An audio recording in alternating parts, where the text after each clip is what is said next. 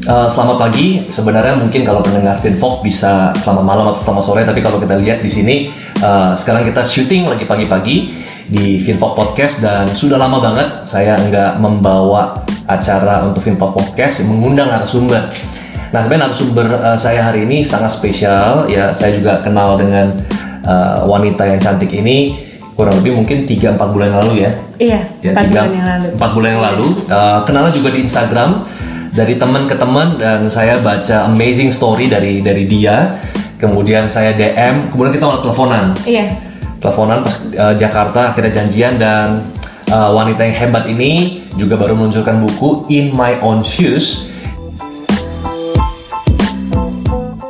Dia adalah Uma Hapsari. Apa Halo, kabar? Kabong, apa kabar? Thank you so much for having me di sini. Sama-sama. Baru mendarat atau? Enggak, enggak. Sekarang back and forth Jakarta Jogja Jakarta Jogja. Jadi emang di sini udah dari tiga harian yang lalu. Oke, jadi buat pendengar yang uh, merasa kok suaranya nggak medok ya, padahal si Uma ini adalah orang Jogja. Tergantung kebutuhan sebenarnya. Kalau Oh, disuruh medok bisa. Oh, bisa? Bahasa Jawa bisa, bahasa Jawa halus bisa, bahasa. Indonesia bisa. Ya, saya juga banyak ngelihat banyak uh, penyiar radio yang sebenarnya dia bisa medok bisa nggak? gitu. Bisa, tergantung Bisa kebutuhan. di-switch gitu Nah, ya? Bisa. tergantung ngomongnya sama siapa. Wah, menarik. Nah, jadi uh, beberapa hari lalu juga saya dapat bukan beberapa hari ya, bukan dua minggu tiga minggu yang lalu saya dapat bingkisan buku warna pink Iya.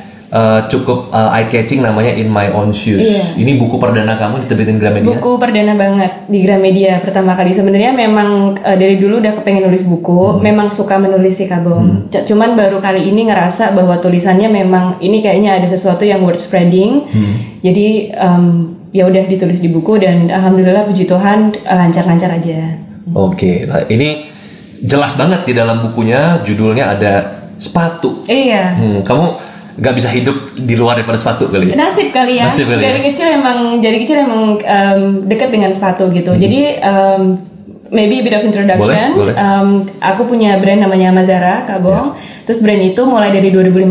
Amazara is name of my daughter sebenarnya. Terus eh, itu jualan sepatu. Ya. Awalnya nggak jualan sepatu sebenarnya. Oh apa tuh? Aw- awalnya itu online shop, Hmm. jualan parfum KW, jualan baju, em, Apa pun ya. perempuan apa aja gitu. Karena basically dulu, em, jadi I, I came from a family business background, Hmm. jadi apa pun yang ada di toko orang tua tuh aku jual waktu itu. Tapi nggak laku, karena kita jualan brand orang, em, apa sih ngapain kayaknya eh, orang beli di toko itu kalau dia bisa dapat harga yang lebih murah di tempat lain. Nah karena ada faktor price ini, terus waktu itu kepikiran, wah harus bikin brand nih, gitu harus bikin brand. Dan em, saya mulai sebenarnya dari yang terdekat aja sih, karena kenalnya sama pengrajin sepatu, ya udah bikin sepatu. Dan karena em, banyak bensinnya itu banyak termotivasi dari anak ya, Ya. jadi kasih nama anak Amazara, as simple as that. Terus habis itu ya udah mulai belajar bikin sepatu, em, cari tahu gimana caranya marketing online, cari tahu gimana caranya jualan dan segala macam. Long story short, brand Amazaranya eh, mulai dikenal nih sama audience, mulai dikenal, terus mulai jualan. In three years kita jualan dari yang sebulan itu saya sendiri gitu, jualan sendiri paling 10 sepatu sebulan. Itu aja teman-teman yang baik-baik yang mau beli.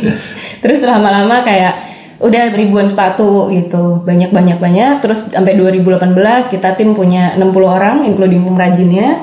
Uh, terus um, unexpectedly ketika lagi growing banget um, kita kan kalau growing kan biasanya kan we invest a lot kan Iya. operationally terus in team di semuanya Um, ternyata 2019 um, I was facing difficult times. Jadi waktu itu um, aku divorce sama my ex husband.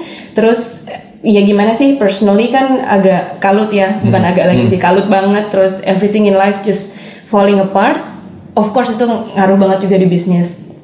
Istilahnya kalau kayak ini nih lagi ngumpulin army nih banyak banget. Terus udah dibekalin the best weapon and everything fasilitasnya dengan biaya operasional segede itu kaptennya hilang. Dan saya baca bahkan di bukunya itu sempat pada saat ada masalah itu sampai enam bulan nggak ke kantor. No, not at all. I think itu enam bulan karena saya tulis bulan Agustus Agustusan lah ya Hmm, gitu. Tapi sebenarnya the whole year I didn't go to office.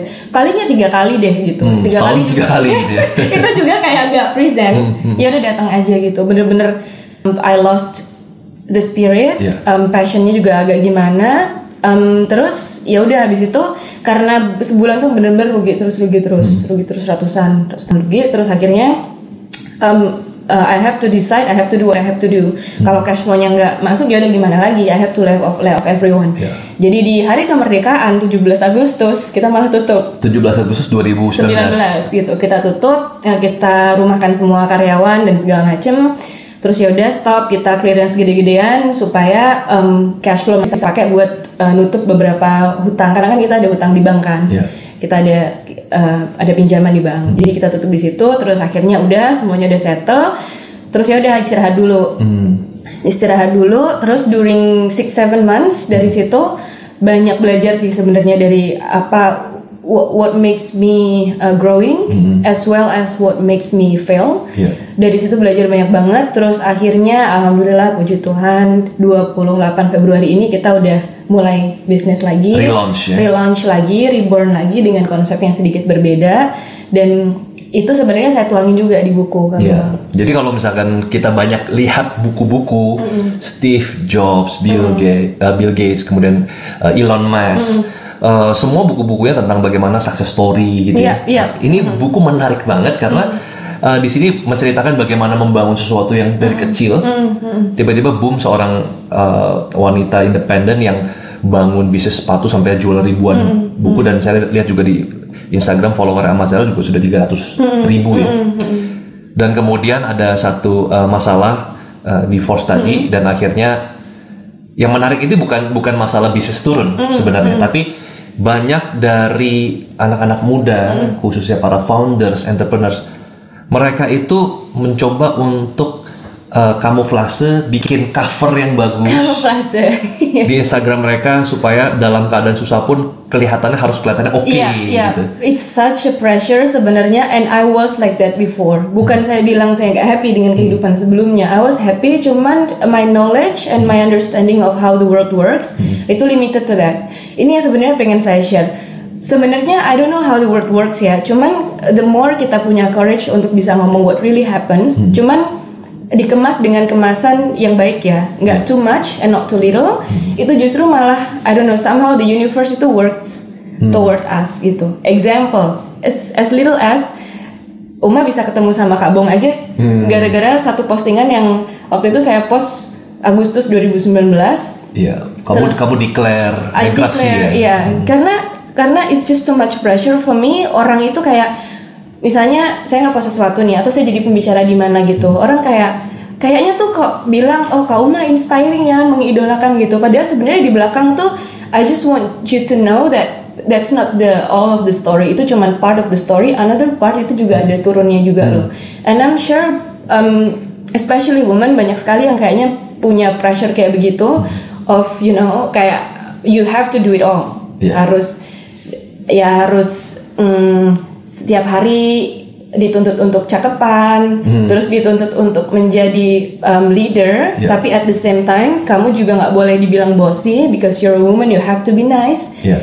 Terus em, kita kan di, dibesarkan dengan stigma bahwa if you're a good woman harus nurut gitu, harus nurut dengan Hmm. Apalagi- society rules. Ya, apalagi mungkin di Jawa Tengah gitu ya. Jogja kan, apalagi Jogja, dari Jogja iya. kan, so it's very conventional. Jadi dengan tuntutan kayak gitu, aku punya anak, em, you know, have to be full time mom at the same time, harus to be mom juga buat 60 orang yang lain, and you still have to be nice. Terus kayak kayak gimana sih bisa semuanya gitu which is itu ekspektasi yang menurut saya sih kayaknya tuh out of reach gitu sebenarnya. Cuman kita hold it so hard sampai harus bener-bener oke I get it all gitu. Dan kita harus acting like that. And the worst thing adalah the more kita menunjukkan itu um, to Kayak the baik-baik society aja gitu ya. Kayak everything is baik-baik aja whereas di belakang kita nggak pernah tahu apa yang terjadi. Masa orang nggak punya masalah sih Yeah, kan? Yeah. pasti semua orang ada masalah. Cuman em, apa semakin kita menunjukkan kejumawaan kita di semua bidang you know I'm perfect I get it all em, kita punya asumsi bahwa society itu bakalan lebih memvalue kita. Kita bakalan dibilang sukses dan segala macam. Whereas ternyata yang aku proof 2009 itu 2019 ketika oke akhirnya fail terus akhirnya memberanikan diri untuk ya udahlah ngomong apa adanya aja itu malah malah prove it wrong sebenarnya. Orang orang-orang yang benar-benar em, saya respect yaitu orang-orang yang mungkin sudah lebih berpengalaman, sudah ngerti jatuh bangun gitu. Example aja Kak Abong deh gitu. Ketika waktu itu kita ngobrol, ingat nggak pagi-pagi kan saya ngundang Kak Abong ngopi, ngopi Iya, kopi iya. waktu itu ngobrol segala macem. I told you the whole story completely yang mungkin public taunya kayak oh satu penggal aja satu penggal aja gitu. I told you the whole story, cuman something that I learned adalah em, untuk orang-orang yang kita respect, Hmm. saya tuh nggak pernah mendapatkan harsh criticism. It's it just always feel like apa ya heartwarming. It's always feel like um, apa ya seperti it's okay you got it. It's just the process. Jangan bukan istilahnya kayak bukan cuman kamu kok kita semua juga been through that ups and downs. So that is just part of your story. Terus dari situ saya jadi menyadari gitu, kenapa kita as a person harus terlalu mendengarkan um, stigma atau Iya, stigma people orang. Iya, people's opinion yang kadang-kadang the worst thing adalah nggak kita dengar sendiri tapi kita ciptakan sendiri di pikiran kita gitu. Orang nggak nggak segitunya juga kok sebenarnya. They have their own problems. Um, and then they move on because of that. Mereka cuma mungkin suka ngomong aja atau gimana. And they only know like you know one percent of the story. Terus sometimes um, kita jadi punya pikiran yang ke mana-kemana yang akhirnya membuat kita stop untuk tidak melakukan apa yang kita meant to do Hmm. sebenarnya. Jadi dari situ saya belajar untuk mengelilingi diri dengan orang-orang yang memang deserve untuk mendengar cerita-cerita saya Iya. gitu. Jadi terus you know the confidence is back, the support is back, terus kayak lebih percaya lagi dan akhirnya dari situ bisa um, bisa apa ya Rebuild. ya? rebuild lagi gitu dengan dengan mengesampingkan ketakutan-ketakutan yang tidak nyata dan tidak eksis sebenarnya. Iya. Jadi bahkan kalau misalkan saya baca di buku yang In My Own Shoes itu Baca ya? baca, Baca. ada satu yang di mana eh, Uma itu malah turning pointnya ketika diundang sebagai speaker di Facebook di Amerika yes, Serikat. Yes, yes. Jadi um, I think inilah pentingnya kita bertemu dengan like-minded woman yang memang satu satu ambisi, satu pemikiran. Frekuensi ya. Uh, frekuensinya tuh nyambung karena kalau nggak kayak gitu kita akan ke drag down terus energinya. Waktu itu, jadi singkat cerita aja, um, ketika masa-masa lagi susah-susahnya gitu, dapat message dari Facebook kan dulu kan memang suka uh, bekerja bareng dengan Facebook kayak uh, dikasih edukasi di mana di mana gitu. Terus mereka kasih um, mereka mungkin ngelihat ya di Amazon itu kan DM-nya agak banyak gitu. Jadi mereka itu ngundang ngundang saya ke sana untuk jadi speaker di um, apa di apa sih namanya kayak acaranya mereka gitu summit namanya summit tentang business messaging yang khusus di Instagram. Jadi di situ saya bicara mengenai how the the customer to brand relationship works Yeah. using Instagram business. Terus udah ngobrol-ngobrol-ngobrol karena waktu itu kan itu kan tempatnya di Silicon Valley.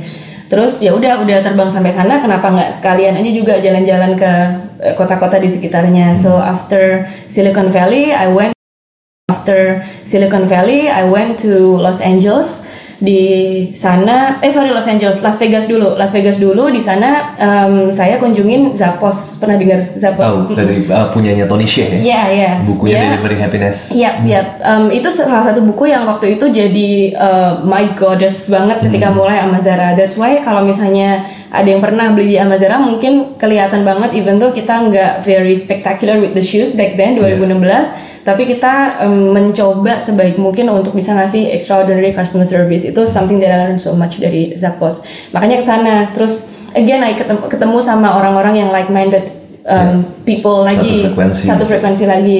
Terus habis itu em, dari em, situ pergi ke Los Angeles di sana ikutan Girl Boss namanya waktu itu pas banget lagi ada Girl Boss rally. Terus ikutan again I met so many people di sana yang akhirnya intinya gampang banget sebenarnya kayak orang bilang dunia itu tidak sesempit daun kelor aja gitu mimpi itu masih luas banget dunia itu masih luas banget ke mana jangan terlalu mikir sempit gitu Dan waktu kamu pergi ke sana dalam keadaan memang lagi turun ya. Oh my god, lagi turun banget. Itu kan aku declare um, Agustus itu bankruptnya, terus Juli itu perginya. Oke. Jadi bener-bener sebenarnya ngebawa beban berat bahwa um, prestasi itu didapatkan ketika sebenarnya in reality company-nya lagi struggling banget Iya. gitu. But I Dan kamu didn't kamu jadi speaker di sana ya. jadi speaker jadi speaker orang dengerin apa gitu jadi it was it was struggling cuma itu very satisfying and fulfilling trip jadi situ terus ada titik baliknya terus mulai percaya ke diri sendiri lagi gitu Dan uh, pulang-pulang kamu akhirnya declare di Instagram.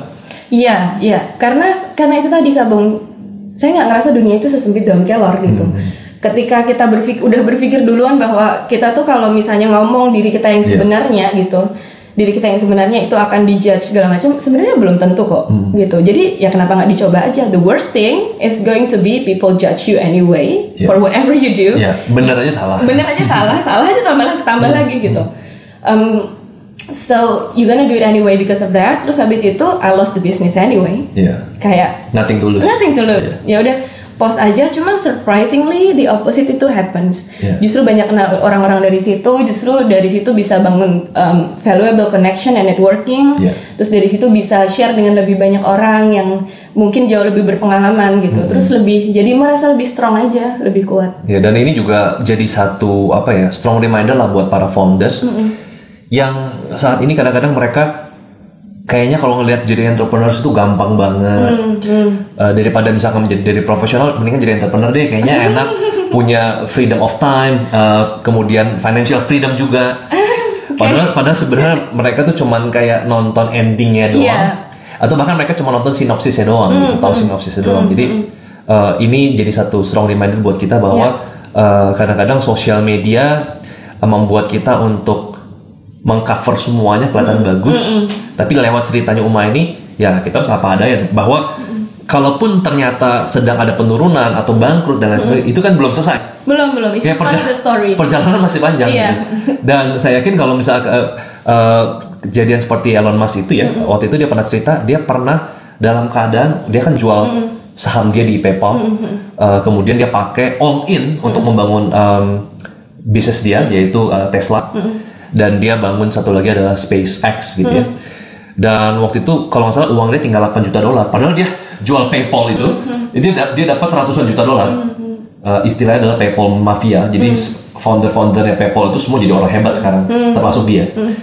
Uh, ya udah, dia dia pun juga pernah sampai keadaan levelnya levelnya Elon Musk loh, sampai duitnya tinggal 8 juta dolar. iya Sementara SpaceX butuh 8 juta, kemudian uh, Tesla itu butuh 8 juta. Dia bingung mau mau Gimana? ditaruh- Gimana? Akhirnya dia split.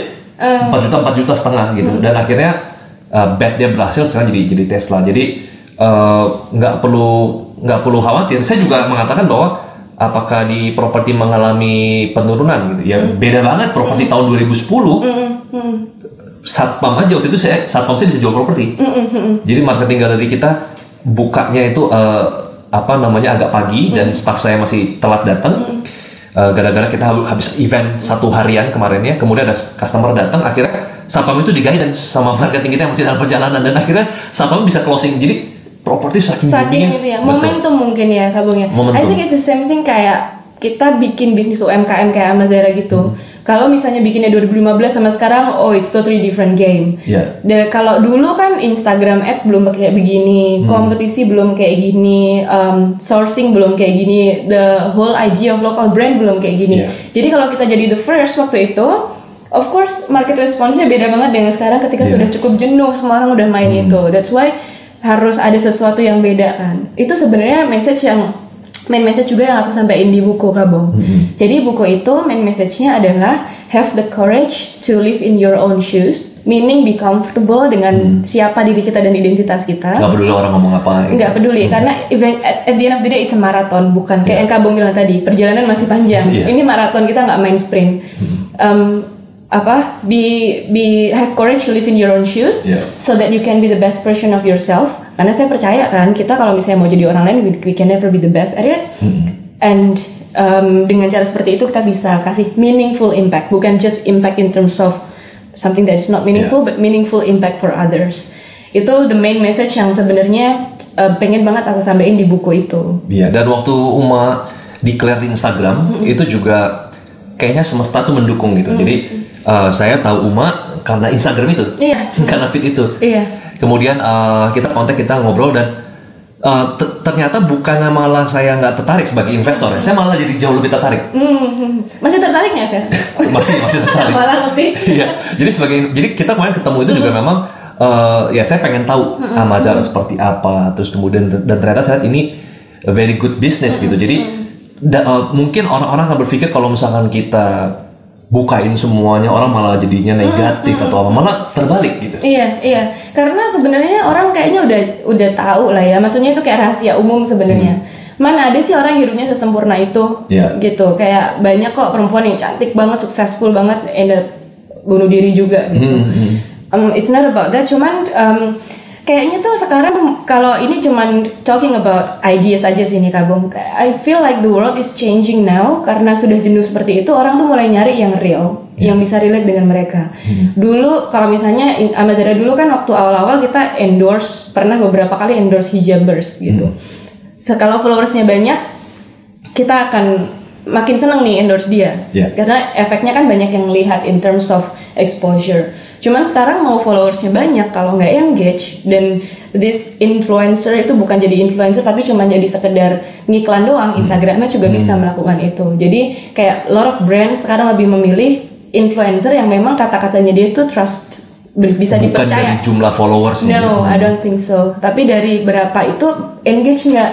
Apakah orang ini itu menyuarakan sesuatu yang bisa relate dengan banyak orang di sana nggak gitu? One example yang aku taruh di buku itu adalah what I'm saying by being yourself is the best bus- business advice adalah misalnya nih mm, nggak usah malu kalau kamu misalnya very passionate about es jeruk gitu. Jangan ngelihat es jeruk itu sesuatu yang um, cuma dijual di pinggir jalan gitu. Tapi kalau kita punya visi world class vision, you can be the best es jeruk maker in the world. Terus nanti you know you can have a dream nanti Obama bisa sa- one day datang ke Indonesia just untuk mengicipi jeruk kamu Iya, gitu. Karena the, the semakin niche idea kita, semakin kita berani dan semakin narrow, I feel like it's a good time untuk bisa flourish right now. Ya jadi kalau misalnya teman-teman dengerin barusan ya itu kayak kayak satu mata kuliah umum tuh. satu mata kuliah belajar tentang bisnis gitu. Jadi eh, kalau misalkan kita lihat sekarang ini eh, banyak orang itu bangun satu bisnis, eh, kemudian ngalamin satu masalah yang sangat berat, apalagi sekarang ada corona, ke bursa saham jatuh dan lain iya. sebagainya dan eh, banyak eh, hutang-hutang yang perlu direstrukturisasi dan lain sebagainya. Nah, beberapa dari mereka itu kadang-kadang menilai kata give up itu sebagai satu hal yang negatif. Iya, iya. Tapi yang eh, saya lihat pada saat ada kata eh, declare bankruptcy atau give up dari dari Uma, di saat yang sama juga saya ngelihat dari matanya Uma bahwa eh, tapi saya tahu nanti saya akan bangkit. Exactly. Jadi momen pada saat kita ngomong give up itu, di saat momen itu pun kita tahu bahwa ini tuh cuma sementara. Yes, definitely. Cause Jadi, it's a iya, marathon. It's betul. not, an, it's not a sprint gitu. Jadi makanya aku bilang kayak believe in yourself. Sesimpel ini kabung. Itu juga aku ceritain di buku. Hmm. Kayak waktu SMA kan, um, everyone wanted to be a doctor waktu saya Hmm. SMA gitu. Semua jadi semuanya masuk IPA gitu. Hmm. Cuman um, waktu itu saya masuk IPS di di di, di kelas IPS itu cuma ada 19 orang gitu. Dan kita Iya. masuk IPS because we want to, because bukan karena kita nggak bisa gitu. Tapi stigmanya kan lebih keren di IPA. Um, I feel like today people need to invest in themselves dan ini bukan bukan not a cliche tapi invest in terms of you know what you believe in yourself. Jangan karena oh kayaknya sekarang investment lagi wow terus gue berbondong-bondong Ikut-ikutan. gitu kayak kata orang begini. Cuman um, long term investment is always the best. I'm talking with investors. Iya. long term investment I think is always best ketika kita tahu betul itu tuh apa. Jadi nggak tahu momennya kapan, it's gonna hit a great point. Ketika kita memang benar-benar tahu apa yang kita lakuin, we know exactly what we're doing, we are sure about the mission. Kita benar-benar yakin at one point it's gonna fly. Yeah. Eventually, sekarang atau nanti sabar aja lah, gitu. Dan uh, story yang paling ditunggu-tunggu adalah memang story kebangkitan ya dari dari Uma di mana uh, momentumnya pasti sebenarnya. Ada buku In My Own Shoes kemudian beberapa mungkin satu bulan terakhir ini ya.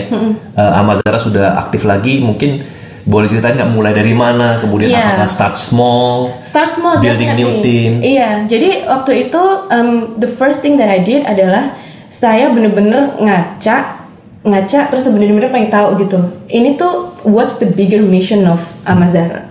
Kalau misalnya ini cuma jual beli sepatu aja, hmm, ternyata ini it didn't work.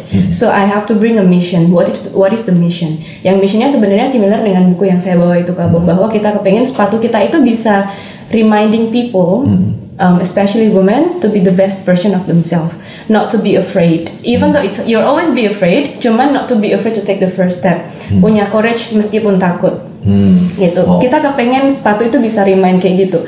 And that would be a long strategy kan. Itu kan bakalan susah untuk orang bisa langsung nangkep maksudnya. Cuma it's just a shoes. Cuman itu kita build pelan-pelan lagi. That's why ketika kita reborn lagi sekarang um, saya juga kayak gitu. Melakukan apa yang um, just being myself aja. Ternyata I'm a lot more comfortable dengan tim-tim yang cuman kecil. Aku tarik lagi waktu itu lima anak yang memang benar-benar I'm very comfortable working with them Yeah. yang nggak terlalu perlu disupervisi. Lima orang ini bekerja dengan sangat baik um, sampai akhirnya kita bisa jadi balik lagi seperti sekarang. And of course it's not um, apa ya ini bukan fairy tale yang oke it's happily ever after. Yeah. I am still struggling untuk bisa balik lagi mendapatkan hati konsumen lagi setelah sekian lama dan segala macam. Um, nggak yang terus oh bangkit jebret terus um, oh sepatunya kejual ribuan lagi gitu and to be very honest untuk bisa moving forward aja udah sesuatu yang saya sangat syukuri Iya. gitu untuk tetap bisa diingat sama customer udah sesuatu yang saya syukuri kemarin juga waktu kita launch um, sepatu yang kita develop lama banget itu yang bener-bener the best shoes that we want itu akhirnya dipakai sama Mbak Najwa Sihab kemarin kan Wow. itu suka seneng banget happinessnya tuh melebihi ketika karena itu bukan endorse kan Iya. jadi happinessnya itu bener-bener real gitu loh. Terus sekarang kita as an entrepreneur kita nyari apa sih? If not the money is of course yes because bisnisnya nggak bakalan jalan kalau nggak ada uangnya gitu. Cuman kita nggak mau dong ended up depressed. Yeah. terus not getting anything because as entrepreneur kita harus ngasih like what you say bangun tidur tidur lagi. Mikirannya itu terus. Iya, iya. gitu. So we have to keep ourselves sane juga dengan making sure that we put our happiness in the first priority dibandingkan dengan putting everyone's ex- expectation yang ujung-ujungnya you gonna fail anyway kalau kita cuman ngikutin apa kata orang yang menurut orang baik aja